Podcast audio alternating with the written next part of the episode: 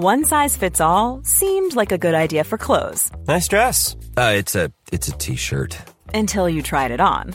Same goes for your healthcare. That's why United Healthcare offers a variety of flexible, budget friendly coverage for medical, vision, dental, and more. So, whether you're between jobs, coming off a parent's plan, or even missed open enrollment, you can find the plan that fits you best. Find out more about United Healthcare coverage at uh1.com. That's uh1.com. Ever catch yourself eating the same flavorless dinner three days in a row? Dreaming of something better? Well, HelloFresh is your guilt-free dream come true, baby. It's me, Kiki Palmer.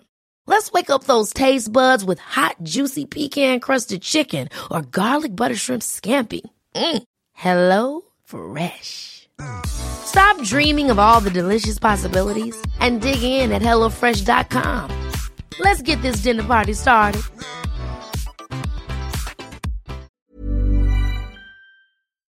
Hallå! Simon Gärdenfors heter jag och snart börjar min podcast Arkivsamtal. Podden ges ut i samarbete med Acast och med Mafia Comedy Club. Som ger er stand-up fem dagar i veckan i Stockholm. Mer info om det här hittar ni på maffiacomedy.se och på Ticknet. Detta händer snart.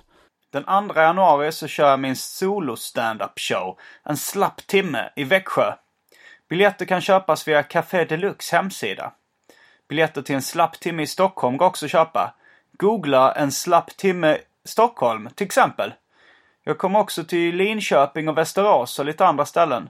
Så gå in på gardenfors.blogspot.com för att hitta datum och länkar till alla ställen där ni kan se mig live. Följ mig på Instagram och Twitter för påminnelser, skämt och annat skoj. Där heter jag atgardenfors. Nu kommer Arkivsamtal klippt av den begåvade redigeraren Mattias Lundvall. Inspelningen av ljudet eh, ballade ur lite under det här avsnittet. Efter en halvtimme så låter det som att någon pratar i bakgrunden. Men det är egentligen bara lite krångel med mickarna och tekniken. Eh, men försök stå ut med det så kommer allting vara som vanligt nästa vecka. Mycket nöje!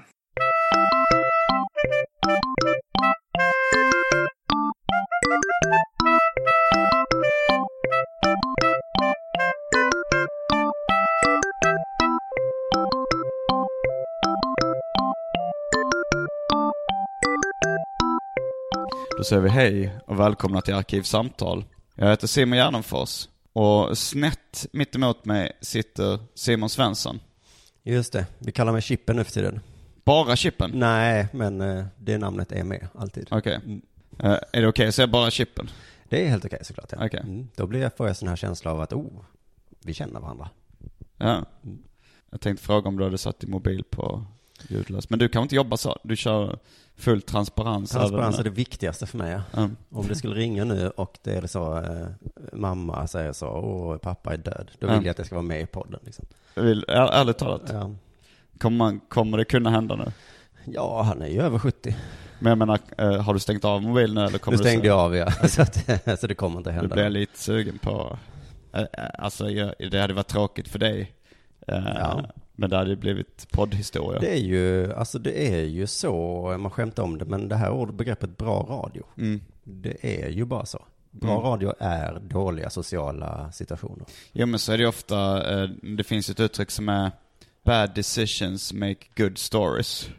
Ja, ja, ja. Eh, alltså om man, har, om man gör bort sig så blir det ju ofta bra konst. Precis, men det var väl det, jag har för mig att eh, Martin Sonneby sa det i det här AMK morgon-avsnittet. Mm. Han sa så här, det här är bra radio, att han fick så mycket skit för det. Mm. Ehm, och det, ja, det kanske han ska ha då, men han har ju också rätt. Det Ja, var ju jag per definition bra radio. Varför ska han ha skit för att han säger sanningen? ja, för att det var lite okänsligt kanske, det var lite, man kanske inte skulle, eh, så. Men, Men, eh, det, det, att säga sanningen är ju inte alltid det trevligaste kanske. nej, precis, det blir en dålig social situation liksom. Men jag tycker att säga att det var bra radio, det gör inte så mycket. Vi är ju förresten i um, K. Svenssons gamla lägenhet i Malmö. Mm. Han är och kollar på Game of Thrones med sin fru i andra rummet. Ja.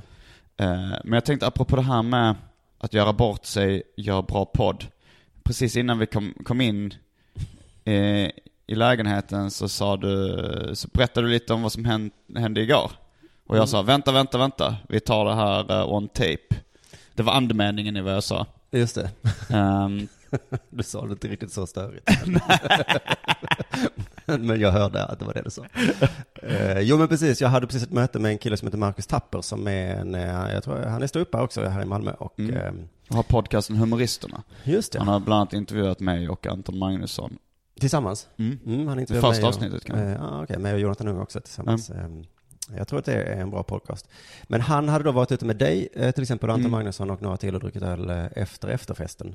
Mm, vi, vi, igår så körde vi Stå upp under jord, eh, Aristokraterna special, här i Malmö, en standup-föreställning.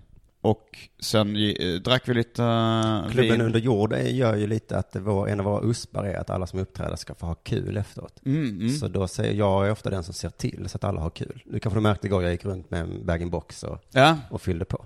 ja, ja, det, okej. Och det ser jag som ett jobb. Igår gick jag ju hem hyfsat tidigt, eh, Mm. för jag såg att det fanns andra som representerade klubben. Men ibland Mm. så är det bara jag, och då får jag sitta liksom, Mm. Tills folk Ja men det är en bra USP. Det, folk vill ha kul. Precis, och då är jag lite glad att när Marcus Tapper hänger på och ser till att han har kul och, Ja. eh, och känner sig delaktig. Men då hade han varit ute med er i alla fall, sa han. Och, ja, vi var efter, vi har haft efterfest här i lägenheten så gick vi till Nyhavn. Mm. Och eh, det dracks starköl. Han berättade att på bara en timme så drack ni fem öl. Det lät helt otroligt. Jag drack inte fem öl. Nej. Eh, men jag drack kanske två och en halv. Ja, ändå rätt Sen bra. gick jag hem och de var kvar. Mm. Berätta Som vad jag hände. förstod det så hade han och Anton bara då gått till Folkets bar eh, vid Folkets Mm. park. Och jag har kanske aldrig supit med Anton, eller det har jag ju, men Mm. inte så kanske. Jag, jag tycker att han verkar så himla kontrollerad. Det är hans Ja. scenpersonlighet, men också tycker jag hans... Eh, Men, uh, nej, men han har eh, en uh, fyllesida där han uh, ballar ur. ja, ja, ja. Det, jag brukar gå hem innan det händer oftast. Men sen så får jag i och för sig, jag har fått liksom sms från kompisar som är väldigt besvikna ja, ja, ja. på Anton. Ja, men jag, jag tror att jag kanske också skulle kunna bli besviken. För han, han som verkar vara så trevlig. Och så. För sen så, jag, vi båda två, jag och Anton, uh, lånar uh, Arman Reinsons lägenhet. Uh, rapparen Arman som är med i, rappar i samverkan tillsammans med Anton bland annat. Mm. Eh, Vi lånade hans lägenhet, han, han, han sov inte där. Det var bara jag och Anton som sov i lägenheten. Så jag var ju hemma då först. Och sen vid tretiden så, så ringer Anton till mig. Och, eh, och bad mig öppna. Jag hörde att han var aspackad liksom.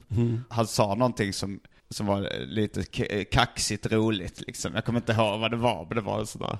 Men jag öppnade för honom och sen gick jag och la mig, mm, somnade om. Och så hörde jag liksom, jag hörde någonting krossades ute i köket.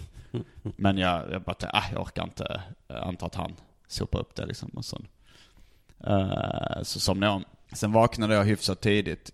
Ganska bakis själv liksom. Lite förkyld också som ni kanske hör på min röst nu att den är mörk. Och gick, eh, jag hade ett, e- ett eget rum så jag gick ut i korridoren. Så att duschen stod på fortfarande. Eh, den stod liksom och rann. Ja, ja, ja. Eh, sen gick jag ut i köket och då sa jag att det är väldigt märklig syn i köket. Det är liksom en enda röra. Som jag hade sagt om jag varit en 45-årig kvinna. Eh, som var 45 1980. Eh, Det här är en enda röd. Det är skitigt Eh. och det är äckligt. Ja, nej men han har försökt laga någon slags primitiv lasagne. Va? Mitt i natten, jo. Ehm, Alltså lasagneplattor ligger ja, fram. det ligger lasagneplattor. Shit. För det tar ju i- superlång tid att göra. Ja, det är ju- det, det, är det som fick mig att rynka på pannan lite extra mycket. Mm. Eh, Men det ligger lasagneplattor i vasken. Och i en skål ligger det lasagneplattor och smör. Som man försökt röra ihop på något sätt. Eh, Ja, det här, jag tror det är steksmör. Ja. Alltså sådana man, man kanske köper ett halvt kilo smör, du vet sådana här som man har ofta i, i kylskåpet. eh, Som man använder mest för att steka gre- ägg och grejer i. Ja. Så sånt ligger där liksom blandat med lasagneplattor. Och ligger eh, en påse, en stor påse jordnötter, alltså Coop, typ en kilo saltade jordnötter på bordet. Och, och så har, har vält ut grejer, det är något vatten, någonting på golvet också liksom som har välts ut.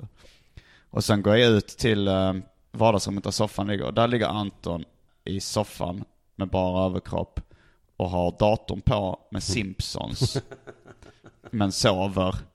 Och bredvid honom så ligger smörpaketet. Med tydliga tandmärken. Han har, han har ätit eh, stekflott Jävlar. direkt ur paketet framför Simpsons innan han somnat. den här karaktären, Mr Cool, är ju mesig. I jämförelse med karaktären. Magnusson. ja. Och eh, jag tog, la in smöret i kylen så att inte det skulle smälta uh, ner på soffan. Det, det var en liten, liten fettfläck tyckte jag det, det hade blivit bredvid honom. Men det roliga var att det här med att äta smör direkt ur paketet. För att när vi, när vi kom till Nyhavn, precis innan vi skulle till Nyhavn, då så skulle Petrina gå och käka falafel. Och på Sara som är mitt favoritställe för halloumirulle. Mm, just det, jag gillar Sara också. Ja, det är gott. Det är nybakt bröd. Så när hon sa att hon skulle dit så sa jag så att "Ah, fan, jag kanske hänger med och tar en halloumirulle och kommer hit sen till baren igen. Ja, ja. Och då så var Anton så "Ah, men för fan, ta, köp lite nötter eller chips här. De stänger ju snart här på baren så. "Ja, Okej, jag gör det då. Och så, så skrattar han så här. "Ha, Du är sånt jävla matvrak Simon. Ska, och bara någon säger så här. Åh jag ska att, ja då är du direkt på. Klipp till att han ligger och äter smör direkt ur förpackningen. Det är inget riktigt matvrak, det är bara ett vrak. Åh, gubben Anton. Eh, Men eh, du förklarar det, för att det förra året när vi hade julfest eh, Mm. under jord så eh, var det väl klockan två tror jag. Och så han var bjuden och skulle komma och sen så kom han inte, så började jag smsa honom, eh, han svarade inte. Och sen så kanske vi är halv fyra. Så Mm. fick han, så skickade han ett sms, bara, ja, jag har försovit mig. mhm. Och då kände jag inte honom så väl, men jag bara tänkte att det kan inte stämma. Men nu, ja, ja han är, Ja, han är omöjlig att väcka också. Fullkomlig. Alltså nu sa vi till, eh, jag till fyra kanske. Alltså 16.00. Eh, men det går, eh, det går Idag? ofta. Ja. ja, för jag skickade sms till honom idag och då fick jag svaret eh, nu halv fem. då tänkte jag, oj, har han verkligen? Men det var en, det var en rolig kväll igår i, i största allmänhet. Det var de här aristokraterna eh, kvällen. The Aristocrats. Mm, den har ju spelats in och kommer säkert ligga på YouTube eller det, Spotify. Kanske när det här avsnittet släpps. Jag är lite emot att släppa det på just detta på Spotify. Uh, Okej, För att jag tyckte inte det var så roligt. Okej, du tyckte eh, helhetsintrycket av kvällen inte var, inte levde upp till dina förväntningar? Ja, men kanske att det levde ut mina förväntningar för de var ganska lågt ställda. Men, men, eh, men att jag tyckte att vi alla eh, som var där eh, skötte uppgiften väldigt bra. Alla var duktiga. De Aha, har sin egen tyckte du. vinkel och så. Um, Eh, och, eh, och jag lyssnade med stort intresse på alla liksom. Men det var inte så mycket skratt som det är på vanliga underjordkvällar. eller På ställen. är inte beredd att hålla med. Alltså jag vet inte riktigt om det är världens bästa idé att lägga upp det på Spotify. Nej. jag ser ja, men för då rikt- låter det inte så skrattigt tänker Nej, jag. Särskilt om man lyssnar. Om inte Nej, för jag ser inte riktigt, riktigt poängen med att lägga upp det på Spotify. Det kan man ju säga om allt som läggs upp på Spotify. Vad är poängen? Nej men jag vet inte riktigt. Det finns ju reklamfördelar och så och visa att eh, vi finns och Ja. eh, man kan, eh, så här bra var det. Men det var upp roasten som vi gjorde i, förra, i våras, Mm. så då, då tyckte jag, för den var så jävla bra. Det låter såklart inte lika bra när man lyssnar på det sen, men, men det blir ändå en sån, shit det här missade du, det får du inte missa nästa år, känsla. Ja. Som man kanske, Men, men så du var emot att lägga upp det på Spotify redan innan du hörde hur det blev eller? ja, det, jag var lite tveksam. Vi är ju en grupp på fyra, det är liksom lite intressant. Eh, Det är lite som att vara med i ett band. Att, eh, Ja. Ibland så lägger jag ner min röst liksom, så Mm. brinner jag för andra saker istället. Eh, Men jag håller, alltså jag tyckte det var minst lika mycket skratt. Inte på min del då. Nej, för du, din var ju så jävla bra. Men det var inte så mycket skratt. Nej, det stämmer. Jag, jag siktade mer in mig på att göra någon form av koncepthumor. Mm, men Där din det med- grej och ja. kanske Antons också var mer som, som kändes liksom i kroppen. Ja. Så, oh shit, oh. Ja, nej men det, det är ju en historia som ska vara, en, en historia som är en ganska torr vits, eh, som man ska göra så eh, vidrig som möjligt. Mm. Är väl en av tankarna. Eller det är i alla fall det som jag har tagit med mig. Kanske egentligen tanken är bara så här, alla komiker har sin egen variant av den historien. Ja, alltså jag Men- tänker mig när man såg den här filmen att det handlar om komiker som, det är kul att de håller låda. Eh, Mm. För det är inget planerat skämt, man bara börjar prata och sen så går munnen eh, Ja. hela tiden till synes liksom åt olika håll och Det är bara jätteäckliga saker som sägs. Men det roliga är lite bara, hur kan du prata i tio minuter sträck? Lite på minuten är det. Är det så? Ska det vara tio minuter? eller? Nej, men ja, men ju, alltså, ju längre man håller på desto mer absurt blir det ju. Mitt koncept var att jag bara pratade trovärdigt om, försökte få, jag, min, min plan var att det skulle låta som att jag själv hade blivit utsatt för sexuella övergrepp och pratade för hjärtat om det. Och att jag senare då hade förgri, förgripit mig på sexuellt på barn själv i vuxen ålder. Och så försökte jag prata om det så trovärdigt som möjligt. Och sen, jag hade då tänkt att stämningen skulle dö helt. Och sen hade jag liksom skulle jag försöka rädda det och där skulle eventuellt komma skratt när jag försökte rädda det. Men nu blev det mer så här att det blev ganska mycket skratt eh, ändå. Eller inte, inte jättemycket men, men på sina ställen. Mer än och, du hade tänkt dig, och, Ja, mycket mer än vad jag tänkt mig. Jag hade tänkt mig att det skulle vara helt tyst. Ja. Ja, Och sen skulle jag då försöka rädda det och då skulle det eventuellt komma skratt. Men sen, nu, men sen sist när jag sa slutklämmen så var det ett rätt stort skratt. Och då kände jag, jag går av på det här istället. För jag, det, jag skiter i räddningsdelen. ah, okej, det fanns en del som inte... Ja, det fanns en del som inte... För det var, det var inte riktigt motiverat, eller jag kunde inte riktigt säga så här, nej nu tog ju de flesta Ja, just trodde det på allvar liksom, ifall folk skrattade så. Nej. det är roligt om man är så manusbunden som man inte ens tar in det som har hänt. Så bara, ja, nu skrattade ju ingen här. Så. Ja. nej men, ju, ja, så det, för när jag kom på den idén så skrattade jag ju själv jättemycket för jag tyckte det var, att det skulle bli så här obehagligt. Och jag tänkte, så jag tänkte med att det var den typen av humor som är rolig innan och efteråt, men kanske inte så mycket under tiden man hör det. Nej, när man berättar om ditt gig så Ja. är det så, oh det var så jävla Ja, det var ett roligt koncept. Och eh, Nej, för så har jag ju sett Aron Flam till exempel. Eh, I Göteborg på... Dra aristocrats. Nej, men det var ett, eh, han höll på där och det var inför SEMS-turnén så han liksom var ganska tydlig med att han testade skämt och så. Men det var Ja. liksom ett långt fokus som ingen skrattade. Det var till och med några tjejer som sa nej, fy fan, det här är för jävligt liksom. Mm. Eh, och då blev det spännande för han skäm, eller, tycker inte alls att det är jobbigt. Utan då bara lägger han allt material åt sidan och bara pratar med den här människan istället. Och, Mm. Vad då då? Vad är det som...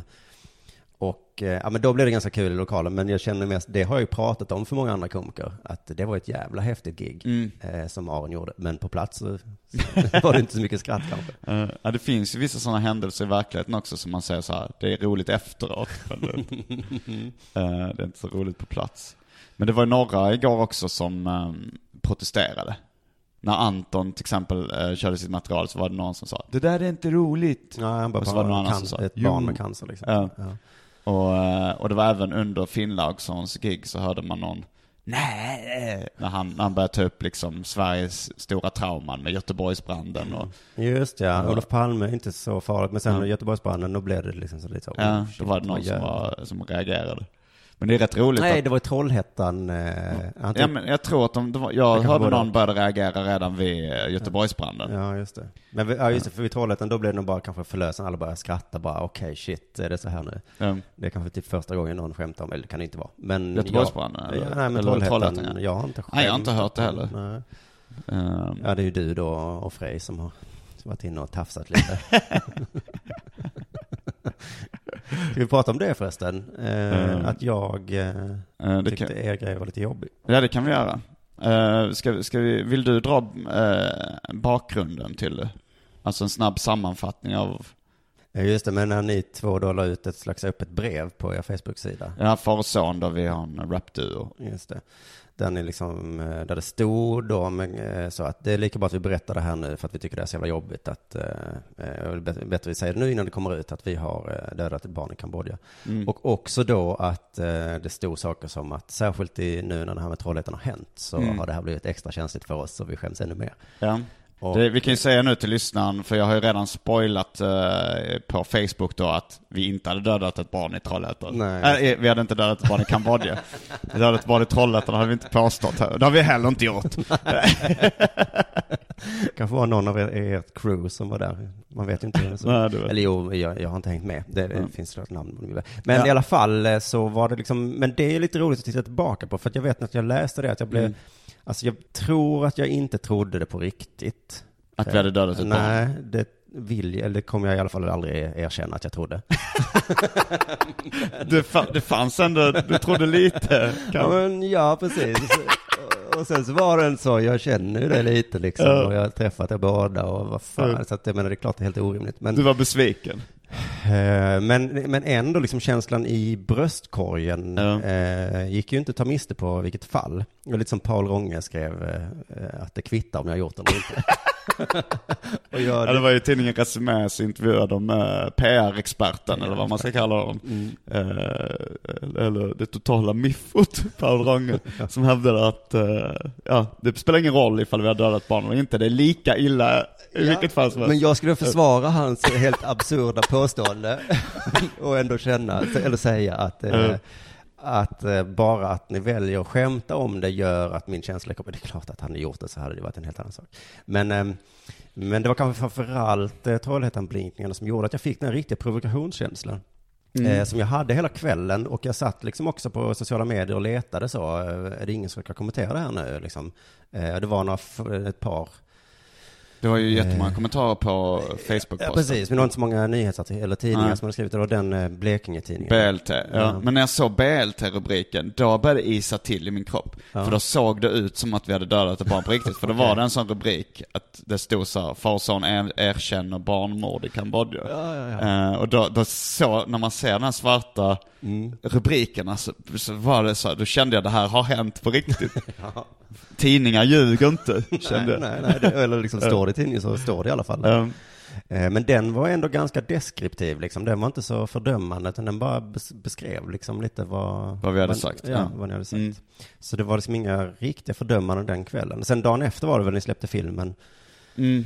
Eh, Då Vi hade släppte en, en eh, film som är då en musikvideo slash kortfilm där vi går igenom de här händelserna där vi eh, eh, en fiktiv film där vi dödar ett barn i Kambodja helt enkelt. Mm. Och musikvideon till låten Tills någon dör.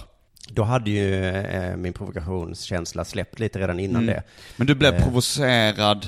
Du var så här, du trodde kanske lite att vi hade dödat ett barn. Ja, och Och även det är som inte så Paul konstigt att Ronge... jag blev provocerad av. Nej, precis. Men även, men precis som Paul Ronge säger så, okej, Mm. ni har inte gjort det, men bara att ni liksom gör en grej av det, Mm. gjorde mig liksom så, fan så här gör man fan inte, eh, känsla i kroppen. Ja, det var en känsla.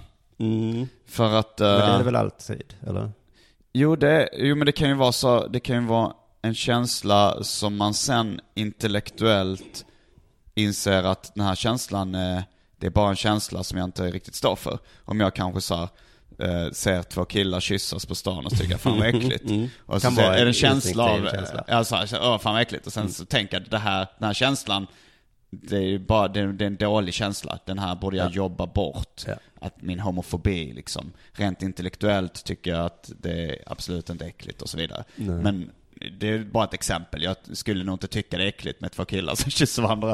Eh, det var nej, men ett exempel på en sån grej. Eller med rasism kan funka på samma sätt liksom. Att man eh, intellektuellt tänker, eh, ja men till och med Soran Ismail eh, i hans program Absolut Svensk var ju liksom undermedvetet rasist enligt något sånt test. Att han reagerade Ja, mer negativt på svarta ansikten. Ja, han relativiserade lite rasismbegreppet väl, jag har inte sett det. Men ja, nej, det var, det, han, fick, han fick göra ett sånt test där liksom datorn reg, registrerade man med olika värdeord och sådär och hur, ifall man så här, eh, skulle du lit, det här är bara en gissning hur testet gick till, man fick inte säga exakt, men så här, skulle du, vem, vilken av de här personerna litar du mest på? Ja. Och sen så registrerar da, datorn även när man tvekar, om man trycker liksom eh, lika mycket, om man då liksom tänker efter, så, så visar det sig att han hade ju ändå liksom fördomar mot svarta. Eh, fast Jaha. klart intellektuellt så har han nog inte det, men bara rent känslomässigt och spontant reaktionsmässigt så har han nog förmodligen det. Och det tror jag att alla har.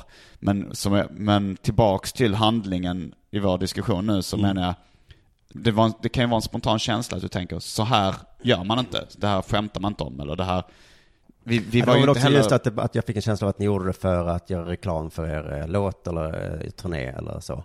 Och då, särskilt kanske med Trollhättan-inblandningen då, så blev det så, oh, okej. Är det så vi gör eh, nu?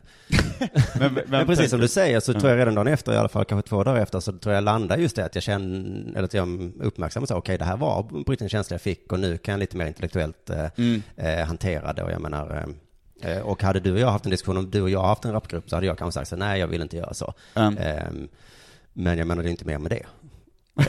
alltså, eh. Eh, nej, nej, alltså det är ju, alltså först och främst är det ju, det är ju inte bara liksom ett verk av humor eller reklam liksom. Vi gjorde, vi gjorde videon för eh, ett år sedan liksom. Ja, det, Ja. precis. Det imponerade ju på mig också såklart. Att det här var ett sånt långt jävla projekt. Och, för vi gjorde den eh, eh, i vintras, alltså förra vintern. Och vi hade ju planerat den eh, långt innan dess. Men sen så är det också att det är klart att jag tyckte att det var roligt liksom. Mm. Alltså även som skämt. Men det är inte bara, eh, alltså om du ser en film som är en viss genre. Så är det ju inte, alltså eh, om du säger till exempel Blair Witch Project. Är det, är det ett skämt? Eller är det, alltså det, det är ju en film. Det var en kortfilm vi gjorde. Det var, det var väldigt många som bara sa att det där, alltså bara dömde ut det som ett skämt eller ett PR-trick. Mm. Är liksom Blair Witch Project försökt också få någonting att se verkligt ut. Eh, och det var, jag har inte sett den, men det är säkert död inblandad i det också. Nej men det är ju något intressant med det, för när jag såg filmen så tyckte jag inte längre att det var så farligt. Och Kanske lite för att jag såg att ni skådespelade och också det blev var extra absurt med olika detaljer i den, liksom, så man fattade att det här är ju en film.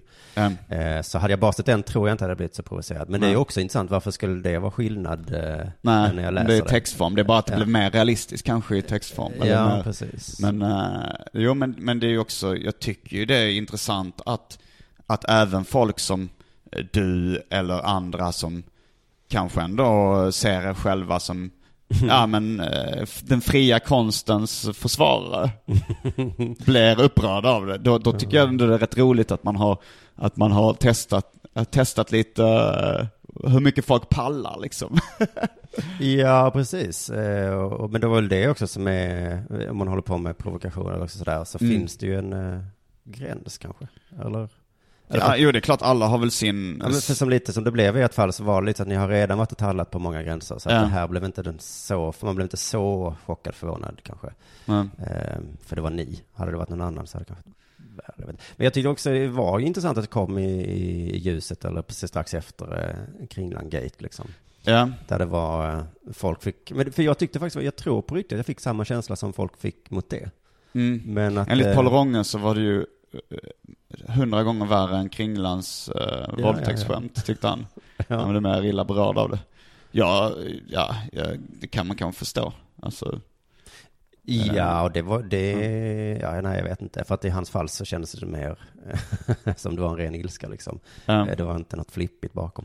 Men i vilket fall så var det det att, eh, att jag kände mig lite stolt. Nu kanske det är orättvist det som jag känner er och jag är inne i branschen, men att jag Mm. inte sprang ut, jag hade ju inte gjort det ändå, men att jag inte tog den provokationen och använde till att starta igång en slags drev och bara skrika och, och göra podcast där jag säger så, "Åh, de här idioterna måste sluta.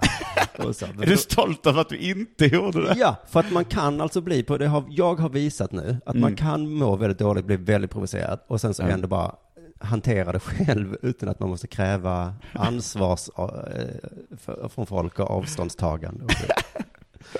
Eh, så det är bara ett tips jag skulle ge till alla när ni blir provocerade. Så ja, Ja. eh, bli det, men ni måste inte... Ja men det är rätt, uh, nej men för jag tänkte på det också nu när, när jag skulle gått på Aristocrats-kvällen nu, så pratade jag med min storebror, Dan, som har varit med i den här podden en gång och som du också känner lite grann. Mm. För att han, jag får, han sa, men jag ska köra stand-up ikväll. Så sa han, ja vad kul, eh, då kanske, man kommer, då kanske jag ska komma förbi. Mm. Eh, så, men då varnade jag honom för att så här, att eh, det kommer att bli, så sa det är en aristocrats-kväll. Ja men det tyckte han lät kul. Mm. Men sen så sa jag så här, men jag kommer ta det till en extremt obehaglig nivå. Och då så hörde jag, där blev han re- redan lite arg. Eller så, han lät lite arg på rösten och sa, ska du alltid vara värst eller? Ja, ja, ja. Så sa jag, jag, ja, jag tycker det är intressant att göra liksom, men... ja. Och i ja. den ramen så Ja. det väl lite det som var målet också. Ja. Vem ska kunna göra det värst? Jo, så är det ju.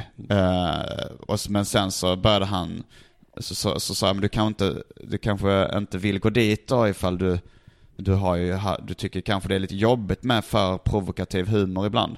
För han har vis, han, han, när, jag, när jag pratade om idén till den här Kambodja-filmen så tyckte han, jag tycker inte du ska göra det. Nej. Och han... Och det kan man förstå också som en familjerelation till dig också, att han är kanske lite orolig för. Eh, Och han tycker inte det är så kul med pedofilskämt och eh, han blev väl, han blev tyckt, gillade inte eh, Simons 120 dagar, ett projekt jag gjorde Nej. av olika anledningar. Eh, Så jag visste ju att han inte har samma förkärlek för provokation och vulgär humor som jag har. Men han blev, han blev, men då så sa han så här att, nej men jag, jag kan gilla provokationer om det finns ett syfte bakom det. Mm, om man börjar sådär så det går aldrig att... det är lika bra att inte intellektualisera det där. För det är bara känslor alltsammans liksom. Eh, Det är ju samma som folk säger om satir, bara det är intelligent så ja, men fuck, Ja, ja, fuck you, det där är bara...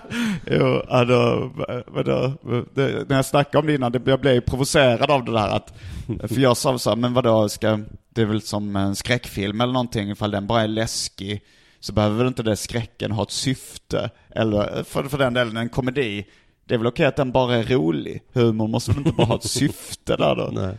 Och sa "Nej, men jag, jag, jag tycker inte det är roligt. Och så, och du, okej, men då kanske du inte behöver komma. Nej, nej. Nej. Och sen så gjorde han inte det. Nu är inte Dan här och kan försvara sig, men ungefär så här gick samtalet till. Ja, det, jag, jag kan... Men jag respekterar ju den åsikten också liksom, och det är ju jättebra att... att Har ändå- respekterar du åsikten att eh, provokativ humor måste ha ett syfte? Nej, men att man inte tycker om det.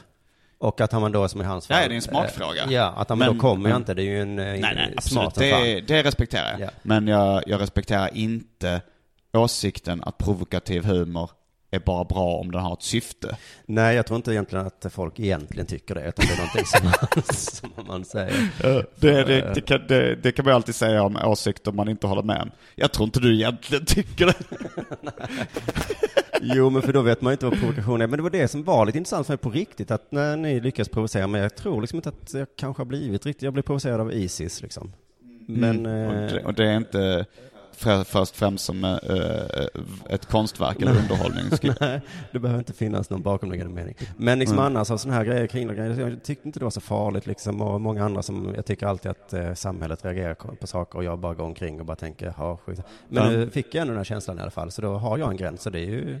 Ja, nej, jag känner ju en viss stolthet över det såklart. Mm. Tycker det är kul Men för att, du har väl säkert också någon gräns någonstans liksom, kan man väl tänka sig. Jo, men den gränsen har nog flyttats ganska mycket. För jag kommer ihåg när jag var liten och, eh, och köpte en dansk seriefanzin, eller en serietidning som heter Achtung. Mm. Och då kommer jag ihåg att jag blev lite illa berörd. Att jag tyckte, oh, det här var lite, för jag, jag var van vid pythonhumor och, och eh, svensk underground som liksom David Liljemark och sådana gjorde. Det var nog ganska i samma anda som Python. Jag hade nog aldrig liksom blivit provocerad av humor innan jag såg tidningen Achtung. Nej.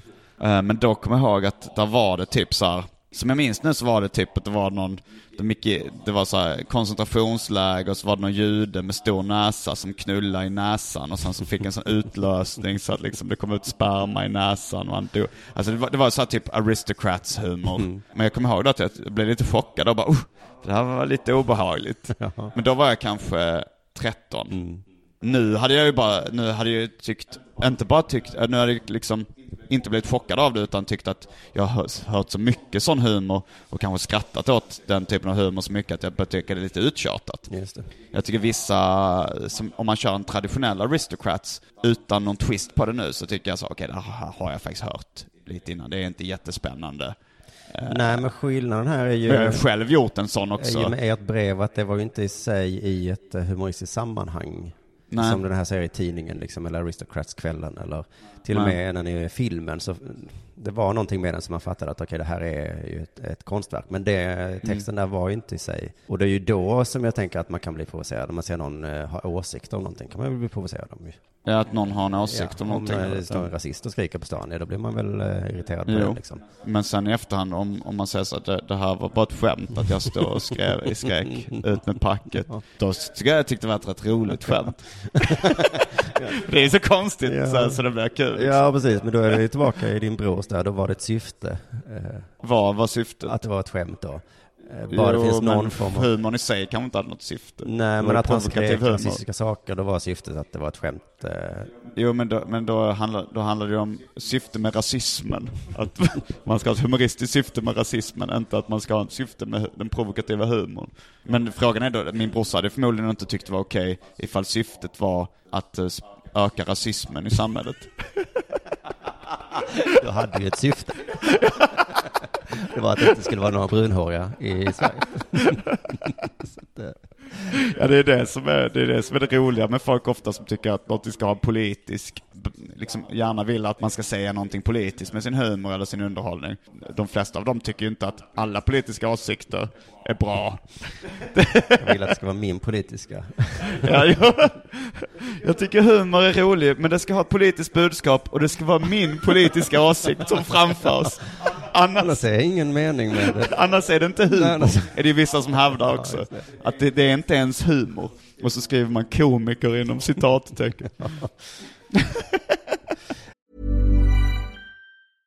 Ryan Reynolds here from Mint Mobile. With the price of just about everything going up during inflation, we thought we'd bring our prices down. So to help us, we brought in a reverse auctioneer, which is apparently a thing. Mint Mobile unlimited premium wireless. Ready to get 30, 30, bit to get 30, bit to get 20, 20, 20, bit to get 20, 20, bit to get 15, 15, 15, 15 just 15 bucks a month. So, Give it a try at mintmobile.com slash switch. $45 upfront for three months plus taxes and fees. Promo rate for new customers for limited time. Unlimited more than 40 gigabytes per month. Slows. Full terms at mintmobile.com. Here's a cool fact a crocodile can't stick out its tongue.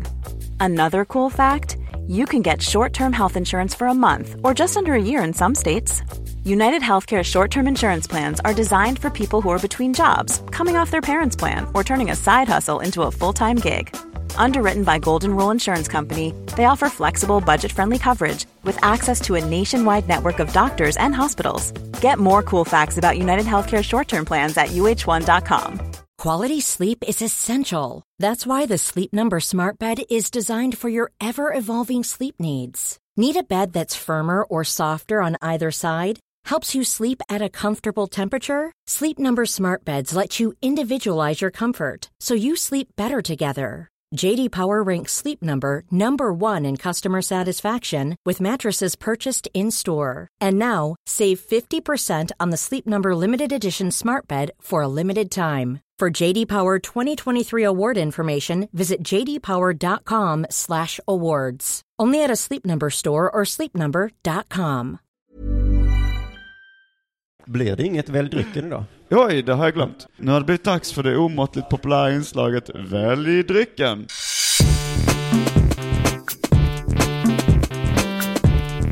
Jag tror vi börjar med det fasta inslaget Välj drycken! Alternativen är uh, vad Kringlan presenterade dem här, uh, här om timmen, här om halvtimmen. Uh, då sa han att det finns i stort sett bara vatten, mjölk och kaffe. Ja, så det är de förutsättningar vi har. Vad väljer du? Ja, inte kaffe kommer det inte bli. Nej, jag orkar nog inte heller vänta på kaffe. Nej, precis. Nej, men kanske lite mjölk då. Jag tar lite vatten. Då är vi strax tillbaks med dryckerna kända från det omåttligt populära inslaget Välj drycken. Häng med!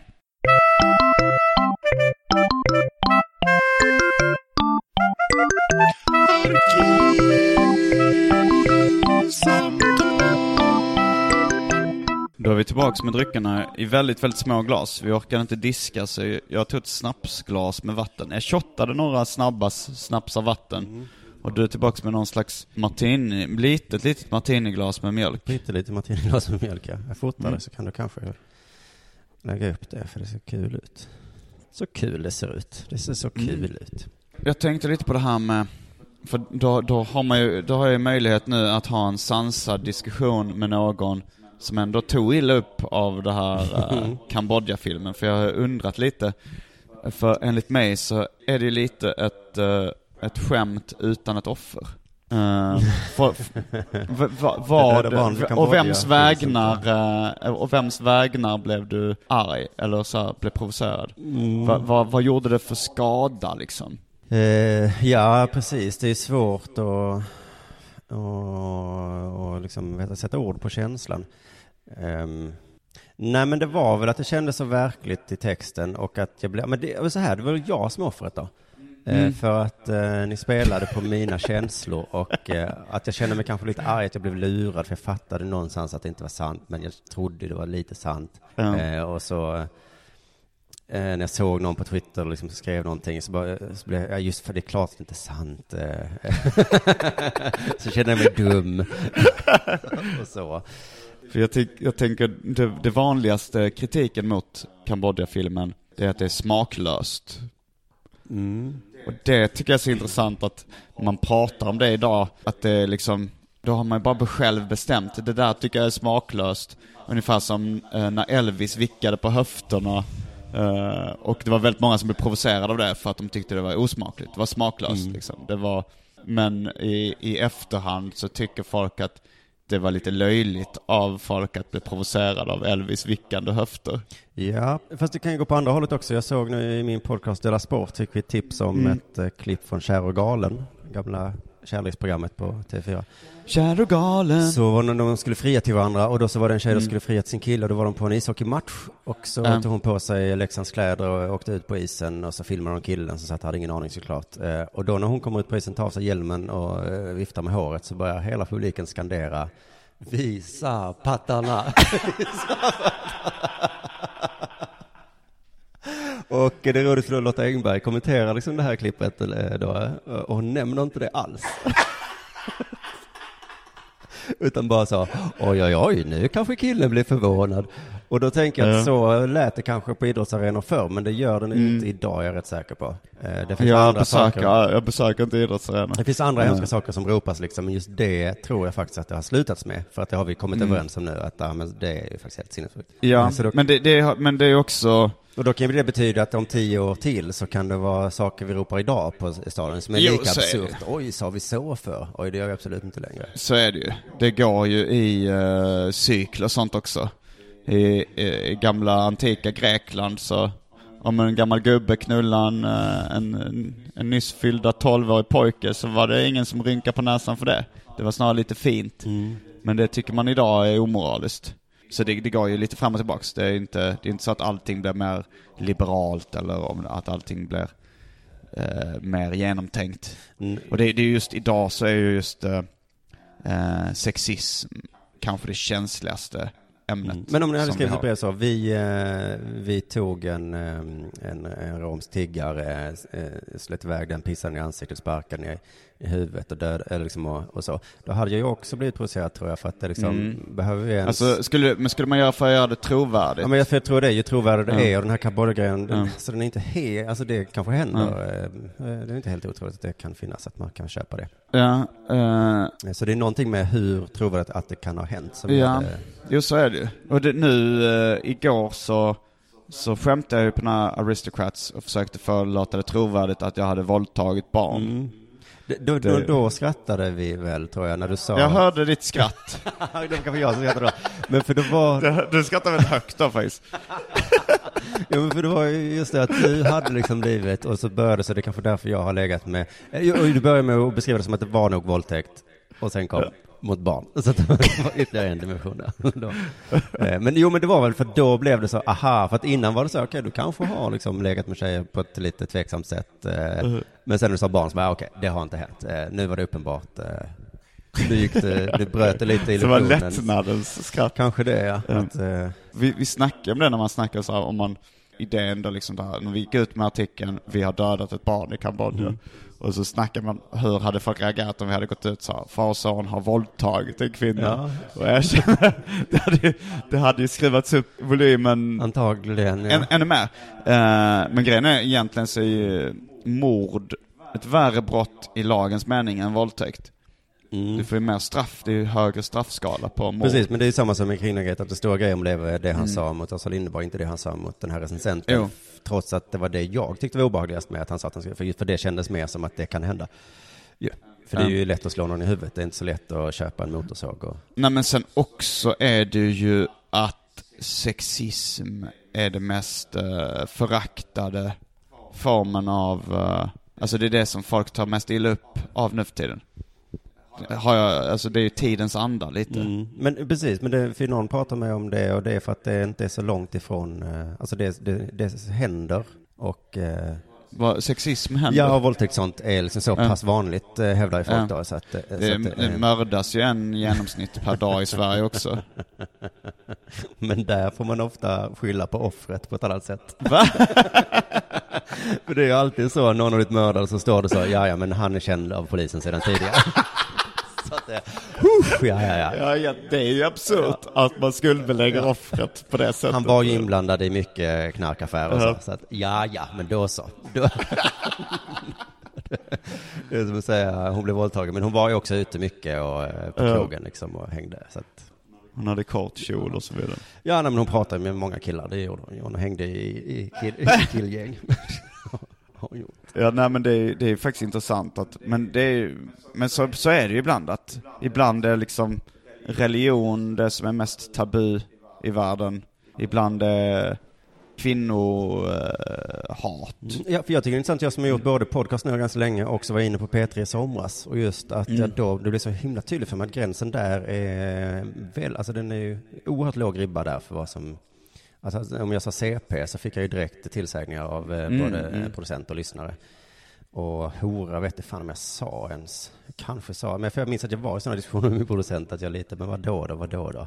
Eh, Mm. Men det är bara så att det är andra regler där som gäller liksom. Och då tänkte jag tillbaka för många år sedan, då kanske det var liksom svordomar, alltså religiösa, du är Ja, en det jävel, kanske det var det värsta man kunde säga då. Och, så, Ja, jo men... och nu är det du en fitta som är, Ja, när man, jag har lyssnat på um, uh, Kalle Linds podcast Snedtänkt.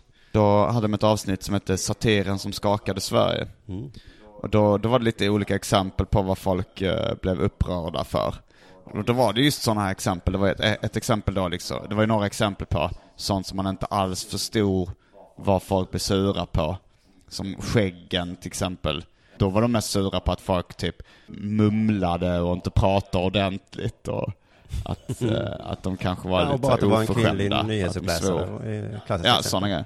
Men att till exempel, eh, det, var- det var liksom någon som körde en, en komisk rutin om zigenare som var eh, superrasistisk. Det var ju, rev ju hem jättemycket skratt och fick inga anmälningar överhuvudtaget.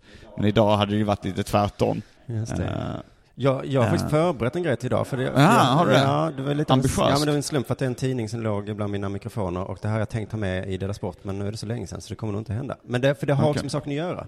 För Mm. det var en rolig artikel i Metro som är så, så får du koll på dina barns nätvanor. Mm. Eh, För man oroar sig, vad håller de på med? Och då är det åtta frågor som man kan ställa till sitt barn. Mm. Vill du ställa dem till mig nu Ja, då? för det här, eh, första frågan här är ju väldigt intressant. Var går gränsen för vad som är okej att säga och göra på nätet? Ska, är, det, är jag ditt barn nu, eller är jag mig själv?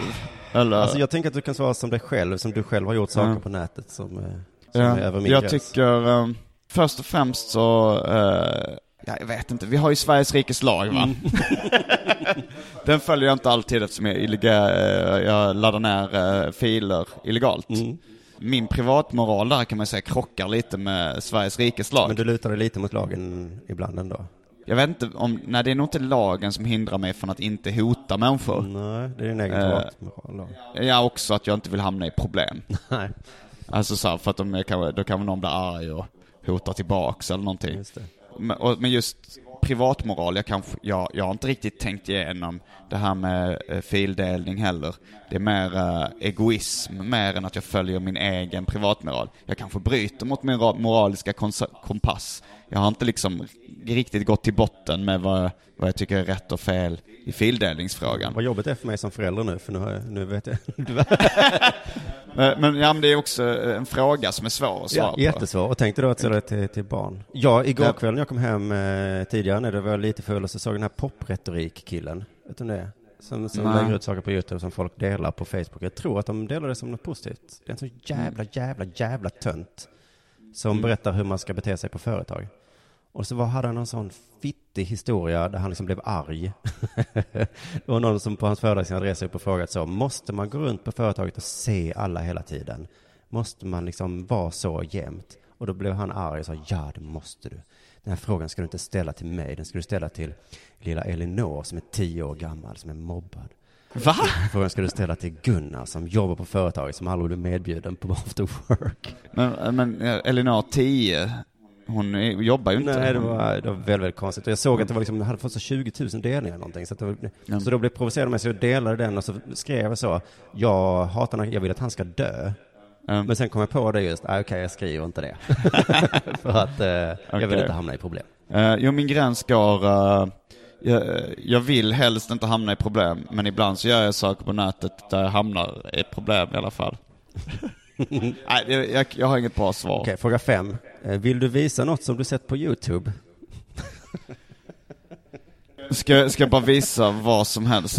Ja, men, men det har jag faktiskt tänkt igenom. Ja. För att det var en kompis som just hade börjat dejta en tjej och hon hade sagt, hon hade visat lite roliga klipp från honom på YouTube. Och så sa, frågade hon honom så här, kan inte du visa något du tycker är kul? Ja, det är Vad di- din humor är? superbra dejtfråga. Ja. Och eh, då hade han inget bra svar.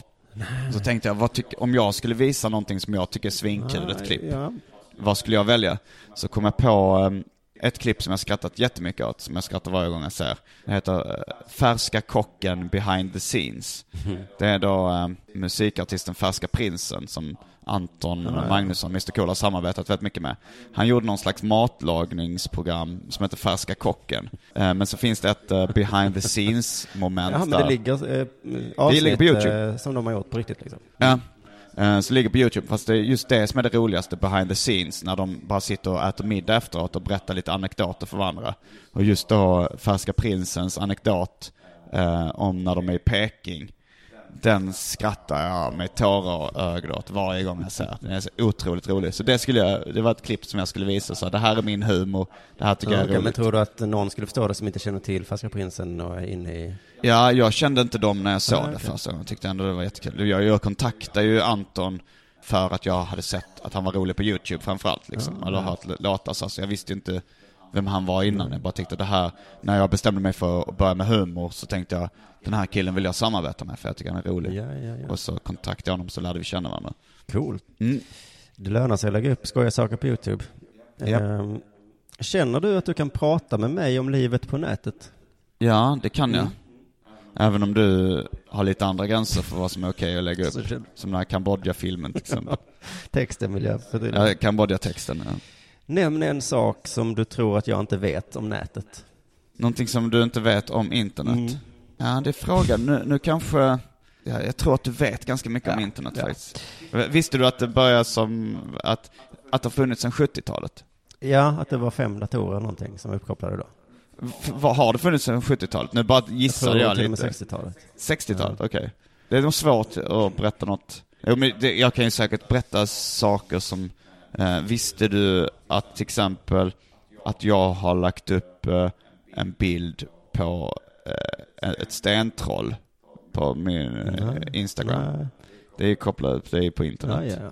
Ja, det visste du inte om nätet. Men jag känner att jag får lite bättre koll på dina nätvanor. Okej, ta en fråga till Jag, jag är inte helt hundra på att det räknas som stentroll. Men något liknande. Eh, Fråga sju här, Tony. Brukar du och dina kompisar leka med surfplattan? Vad brukar ni göra då? Vilken surfplatta? Brukar du och surf. dina kompisar? Alltså, jag, jag har lånat min mammas surfplatta, eh, bara tittat på den och... Men du och dina kompisar är inte så att ni leker med den? Nej. Nej. Nej, det verkar inte. Jag förstår. Ja. Ja, men då känner jag mig trygg. Du känner att lite, du har koll Ja, då känner jag mig lite trygg nu. Har du, har du läst, ställt de här frågorna till din eh, egen son? Nej, jag har inte gjort det faktiskt. Kommer du göra det? Nej, men, nej, för jag tycker att de här frågorna var lite eh, töntiga. Men, eh, och jag vet också exakt vad han gör på nätet. Vad gör han? Han eh, skypar med kompisar, han spelar spel och, eh, och sånt. Hur gammal är Han är han? nio. Men är det, är, kan du vara säker på det? Tror du inte att han kollar porr när inte du är med då? Mm, han kollar mycket på eh, rackartygarna. Det tycker jag inte är helt... Räknar eh, du det som porr? Och eh, de här jävla... Eh, nej men att jag blir lite provocerad av det för det är så jävla dåligt. Och de här eh, humorkillarna, I just want to be I cool. just wanna be cool. Det säger jag att han inte får. När jag, när jag är med i alla fall. Han får väl göra det annars. Men hur kan, men du undvek frågan om porr? Porr eh, tror jag inte han kollar på. Varför tror du inte det? Kolla, du kollade väl på porr när du var nio? Mm, Eller ko- tidningar, Ja. filmer? Ja, Det är klart man inte- gjorde. Ja, kanske. Det är klart. Alltså så här, det, Var jag inte äldre än då? Nej, jag kommer ihåg först när jag hittade en knulltidning bakom ett elskåp i Hjärup. Då var jag nog sju, sex, sju. Huh. Och det var ju intressant. Jag kanske inte blev sprängkåt. Nej. Men, Men eh, intresset jag, fanns där undrar, tidigt, Jag ja. undrar ju vad det var liksom. Det var ju läskigt och spännande. Men jag är rätt säker på att eh, eftersom jag har ett YouTube-konto så Mm. kollar han där och då dyker det hela tiden upp vad jag har kollat på och vad han har kollat på. Men Eh, eh, hänger han med några kompisar? Ja, men det är möjligt att han hemma hos andra kollar Och på hur porr. svårt tror du det är att lära sig privat surf-inställningen? Han är dummare än du tror. Eller så är det du som är dummare än han Ja, tror. men så kan det Eller vara. Nej, men då det, han kollar på YouTube-appen liksom och då syns det tydligt. Jag vet, det dyker upp vad han har kollat på. Så jag ser ju så här, fan vad han kollar på. I just want to be cool. Sluta med det. Ja. I och för sig, om han hade kunnat privat surf, då hade han ju ställt in det när han kollar på rackartygarna och I just wanna be cool. För att du inte ska se det. Fast eller så är det att han, gör, att han är väldigt smart, att han sa nu ska jag tänka i två steg här. Ja, nej, men just för att han inte har sin egen eh, dator, då kommer det vara svårare att hålla koll. Men det skiter väl jag i om man kollar på porr, så det är inte så. Du gör det? Ja. det? Ja, därför det var min nästa fråga. Hur, hur, du bryr dig inte? Nej, det gör jag inte. Det, inte det, skulle vara intressant, för det är inte alls den bilden jag har av honom liksom. Eh, Mm. Men såklart, det är ingenting vi pratar om. Så att eh, när det väl börjar hända, om det redan har hänt, så blir det mer att jag får hantera den känslan, vad det nu är för känsla. Men det är inte det att jag vill hindra honom från att ha en sexualitet. Nej, det... Egentligen skulle jag vilja att ingen annan än jag eh, hade sexualitet. Men vill du inte ha ligga med någon då? Okej, de jag ska ligga med då. Jag tycker, måste alla ha det? Ja, det är ju lite jobbigt att andra har en sexualitet, tycker jag. Eller eh, förutom dem. Eller jag vet inte, jag hade tyckt det var lite skönt att slippa ha en sexualitet också. Mm, men ibland när jag sitter liksom och samtalar, men till exempel som nu då, så kan jag liksom få en Mm. bild av undra hur eh, du ser ut när du knullar liksom. Och så Mm. blir det så, han är säkert, ja, nej, ja, hej. Vad fick du upp för bilder? Nej, men jag tror att jag eh, stoppar mig liksom innan det... Du stoppar Ja, det? nej, men jag försöker se... Men om du nu Nej, ska... men bara att jag försöker föreställa mig ditt eh, skönt ansikte liksom. Mitt O-face.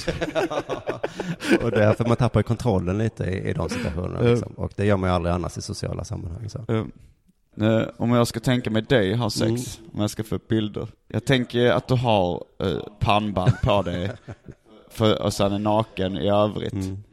Och jag tänker ändå att det, det är ändå lite så här, ger en lite, ändå ett ambitiöst intryck liksom. Att du ändå försöker bjuda på det lilla extra i sängen. Att eh, jag får upp en bild av att du sa, du ser rätt vältränad ut, lite svettig och så, du är inte helt liggande utan står, står på Men det här är fördomar som bygger på min personlighet, pr- liksom, att jag har lite eh, pannband på mig, att jag är lite komiker, så att jag kommer bjuda till lite och så. Men i sänghalmen så eh, byter Mm. nästan alla, eh, där är man ju något annat väl? Jag är väldigt Alltså pryda människor är inte pryda sängen nödvändigtvis och så. Ah, det där Eller? är nog lite en myt. Alltså så här, du tänker så här, Nej men inte av nödvändighet i alla fall. De kan väl ha, eh, de kan vara riviga. Borde de väl kunna vara. Hur är du i sängen då om du ska...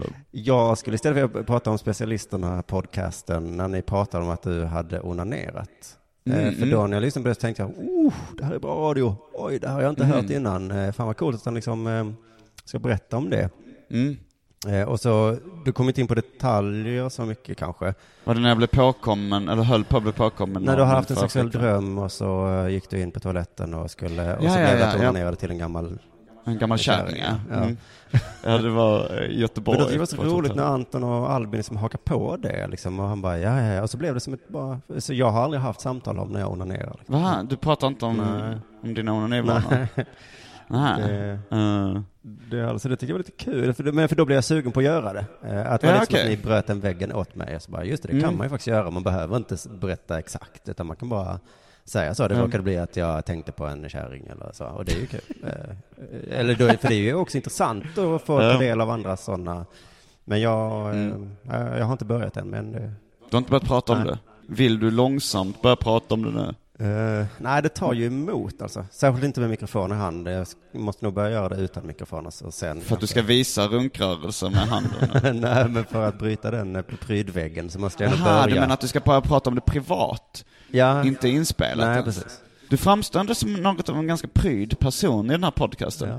Dels att du blir provocerad Ja, av jag... Kambodja-skämtet och att du inte pratar om onani. Pratar du aldrig med onani om- med dina kompisar ens? Nej, nej, nej, men det var det jag menade som Mm. jag tänkte. Det var framförallt Mm. att det var i kompisgänget ni pratade om det. Ja, för det gör ju, det har jag gjort väldigt länge. Mm. Men, eh, men att prata om det i inspelad form är ju en eh, next level shit. Ja, jo. Eh, men, ja, fast det eh, tänker jag ändå, det jag pratar om med mina vänner, så det tar jag nästan alltid upp i podd och tänker att det här blir bra radio, även om det är saker man inte borde. Jaha. Så gör jag det. Mm. Ja, men att jag pratar om mitt barn eh, som är i negativa termer, så jag är såklart med lite skämt i tonen, men ändå så Mm. är det ju så, det bör man inte göra. Och, Nej, det kan vara taskigt. Men, nej, men just det med onani-grejen, det, det var nog, började nog med att jag började läsa självbiografiska serier. Då, för när jag var så här kanske, Var det inte i Simons 120 dagar som det var någon, eh, att ni tältade och så gick någon ut och runkade och sa, så ska inte du också göra det? jo det är i ehm, Död kompis. Ja, det är död kompis. Mm. Men jag Men då jag minns jag att jag också tänkte så, shit vilket konstigt kompisförhållande ni har där ni liksom säger så, jag går ut och runkar när det skulle, ah. Ja men det, då tyckte jag nog det var lite kom, konstigt när min kompis sa det. Men det, man, man har ju hört väldigt mycket om att folk grupprunkar och sånt där. Att det är vanligt bland vissa kompisgäng. Har du inte hört talas om att folk Jo, jag gör har det? hört talas om, men nog mer tänkt att det var, nej men det, För jag har aldrig riktigt, alltså så här, för i den, den scenen du beskriver där, då, då sa min kompis att han skulle ut och runka. Mhm. För han, eh, han pratade väldigt mycket om att runka.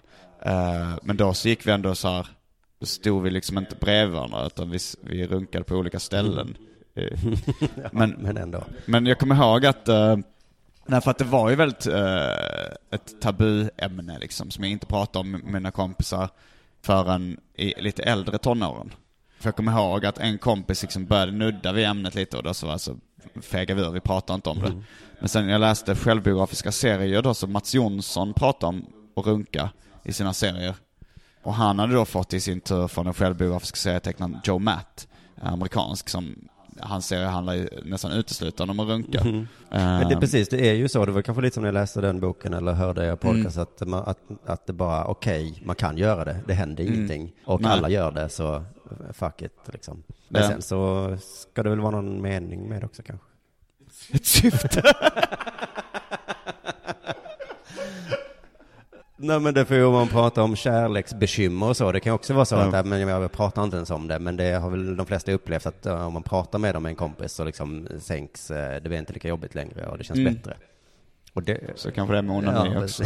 Ja, man kan få lära sig tips eller någonting, jag vet inte fan. Att det Ja, kan vara. Ett fast grepp och så vidare. Nej men sen, ehm, sen var det väl liksom, jag började, och då kommer jag ihåg när jag läste Mats Jonssons serie, jag tänkte shit, vågar han prata om det här i sina serier? Ja. Jag vågar inte ens berätta det för mina bästa kompisar. Så då kommer jag ihåg att jag hade den sensationen. Mm. Sen började jag värmas upp till det och gjorde själv serier om när jag runkade liksom. Mm. Jag gjorde bland annat en, en serie som heter Styvekiss.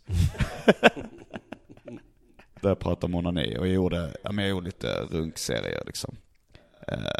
En av de första publicerade serierna jag någonsin tecknade innehåller en onaniscen. Men det, det är inte så att jag är totalt skamlös kring det heller. Jag skäms. Tycker fortfarande det är lite pinsamt. Mm. I Simons 120 dagar finns det en onaniscen som jag nog tyckte att det var den jobbigaste scenen att skildra i, i boken. Men det var, det var också så här, för, det, för jag kommer ihåg, det var under då Simons 120 dagar resan och jag bodde hos en familj och, eh, och så var det typ en, eh, en eh, deras 16-åriga dotter som jag tåflörtade med. Och sen så blev jag sexuellt upphetsad och gick in på toaletten och runkade. Och när jag gjorde det under den här resan då tänkte jag att "Uff, det här är så jävla pinsamt. Det här kommer jag aldrig våga ha med i serien. Men sen så blev det ju lite så här en utmaning, så tänkte jag det blir ju bättre om man avslöjar pinsamma saker i sina självbiografiska serier. Det är lite det som är styrkan i det, så efter ett tag tänkte jag, "Aj, jag kör, jag kör, jag tar med det. Ja. Så jag hade med det i serien liksom ändå. Jo, men precis, gör man eh, eh, serie eller podcast så blir det, känner man ju att det har, ja, det är ju det här syftet då, att det blir spännande, det blir bra radio av det. Mm. Det blir en bra serie av det för att eh, man reagerar. Men, och, men det tycker jag även i kompisrelation ju, eh, för jag och Jonathan Unge har liksom en sån relation, vi pratar inte onani just, men om nästan allting. Och det blir så himla spännande, alltid Mm. roliga samtal som vi har. Just för att vi båda har släppt garden av eh, eh, saker man inte egentligen säger eh, Mm. när man irriterar sig på sin tjej eller på sin, eller på, till och med med varandra har vi den relationen liksom att eh, Ja. fan Jonathan, det här är så, jag blir så jävla sur på dig när du håller på så. Och sen så pratar vi om det istället liksom. Um, Men den relationen har jag inte med någon annan nästan. Eh, för det är svårt att skapa tycker jag. Ja, det tar ju tid att skapa sådana relationer. Mm. Det tar lite tid. Jag kommer ihåg när första gången jag, jag träffade Anton eh, Magnusson då på, i verkligheten. Då, då så gick vi direkt, men det var lite nästan så här kukmätartävling. Jag, jag tror jag började direkt prata om så här, något tillfälle jag hade haft erektionsproblem. Ja, ja, ja. ja. Och så började vi prata. ja precis, det har jag och Jonathan båda- pratat om också, vilket jag inte har gjort med någon annan. Nej, men det, men det pratade jag om första gången jag träffade honom. Ja, ja, ja. Men, eller, för- men det var väl också så att man ville visa sig flippig redan så direkt. eh, antar jag. Att det är så här, man, vill, man ville imponera lite så att jag berättade om en sån väldigt privat grej. Och, och så blev det så, här, så då, men då blev vi eh, kompisar ganska snabbt på det sättet. Liksom. Ja, det är ett smart sätt att bli kompis på. faktiskt. Men för jag har faktiskt också varit med om det, för jag tror att jag gör så ganska Som i ofta. MC-kretsar, de nitar om någon först, så sen kan de krama om varandra. Men att det är ganska bra sätt, för det finns ju vissa människor som re- reagerar negativt på om man säger något sånt. eh, Kan Mm. inte just det med, med sex och erektioner. Men eh, jag tror att jag gör så ganska ofta, och de ibland märker man så här, oj shit, det här landade verkligen inte. Vad gör vi nu då? Men att, eh, att det finns vissa sådana, Anton är en sån, jag har också haft sådana samtal med honom som bara känns, oj nu blir det väldigt ärligt och rakt. Och Marcus Johansson Mm. också tycker jag att eh, han, han är väldigt duktig på att bara berätta, ö, deprimerad eller vad det kan vara liksom. Mm. Det bara är out there liksom. Och det är ganska skönt. Um, men så gör man ju också med kompisar fast vad gäller humor. Att man liksom kanske skämtar lite fram och tillbaks. Och ifall man då märker att okej, här har vi någon som har lite samma humor så kanske man har lust att träffas igen och bli lite närmare kompisar. Men om man märker att oj, det här landade helt fel. Det var någon, eh, om någon säger det där skämtet hade inget syfte. då kan man säga okej, vi kanske bara, Den där, eh, kanske bara ska vara syskon. Det där kvinnohatet du precis uttryckte, det var ju bara konstigt. Jaha, jag tänkte att det skulle bli ett kul samt... Nej, nej. Ska vi börja runda av? Ja. Vill du plugga någonting? ja, i så fall så kan jag... Det, vi har en väldigt stor eh, förändring i Dela Sport, men då kan jag inte säga den här. För då, eh, men det kommer bli väldigt spännande förändringar 2016 eh, för den podcasten. Och sen så kan jag plugga vår turné som kommer vara en jävla massa städer i mars. Tio städer kommer vi... Dela Sport? Ja, vår eh, humorföreställning som bygger på podcasten kan man säga. Mm. Så check that out please. Och så är vi tack och gör för veckans avsnitt av Arkivsamtal. Jag heter Simon Gärdenfors. Jag heter Simon Chippen Svensson. Fullbordat samtal.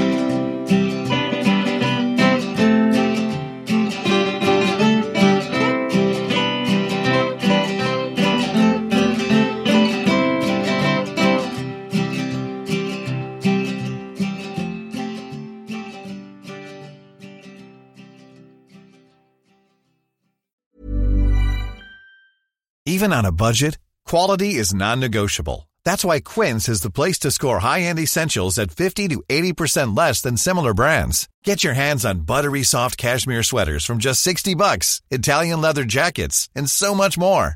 And the best part about Quince, they exclusively partner with factories committed to safe, ethical, and responsible manufacturing. Elevate your style without the elevated price tag with Quince. Go to quince.com slash upgrade for free shipping and 365-day returns. Planning for your next trip? Elevate your travel style with Quince. Quince has all the jet setting essentials you'll want for your next getaway, like European linen, premium luggage options, buttery soft Italian leather bags, and so much more. And is all priced at 50 to 80% less than similar brands. Plus, Quince only works with factories that use safe and ethical manufacturing practices. Pack your bags with high-quality essentials you'll be wearing for vacations to come with Quince. Go to quince.com slash pack for free shipping and 365-day returns.